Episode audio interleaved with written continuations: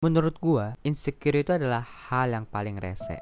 Apalagi kalau udah ngebandingin diri kita sama kesuksesan orang yang bahkan tuh kita nggak tahu proses mereka tuh bagaimana.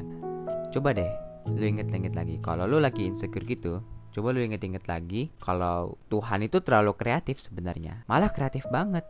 Kreatif karena Tuhan tuh punya plot, punya alur, punya tema untuk semua umatnya tuh beda-beda. Yang nggak akan ada yang sama persis. And one thing for sure, Tuhan adalah sutradara yang terbaik dalam hidup kita. Ya, kita tinggal nikmatin aja jalan ceritanya. Ibarat kita tuh lagi kayak diarahin sama Tuhan. Oke, lu ke sini ya, udah nikmatin aja prosesnya, gitu. Dan ingat lagi kalau hidup ini tuh bukan kompetisi. Hidup ini tuh adalah tentang bagaimana kita menikmati karunia Tuhan.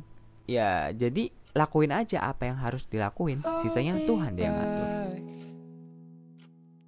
I'll be back.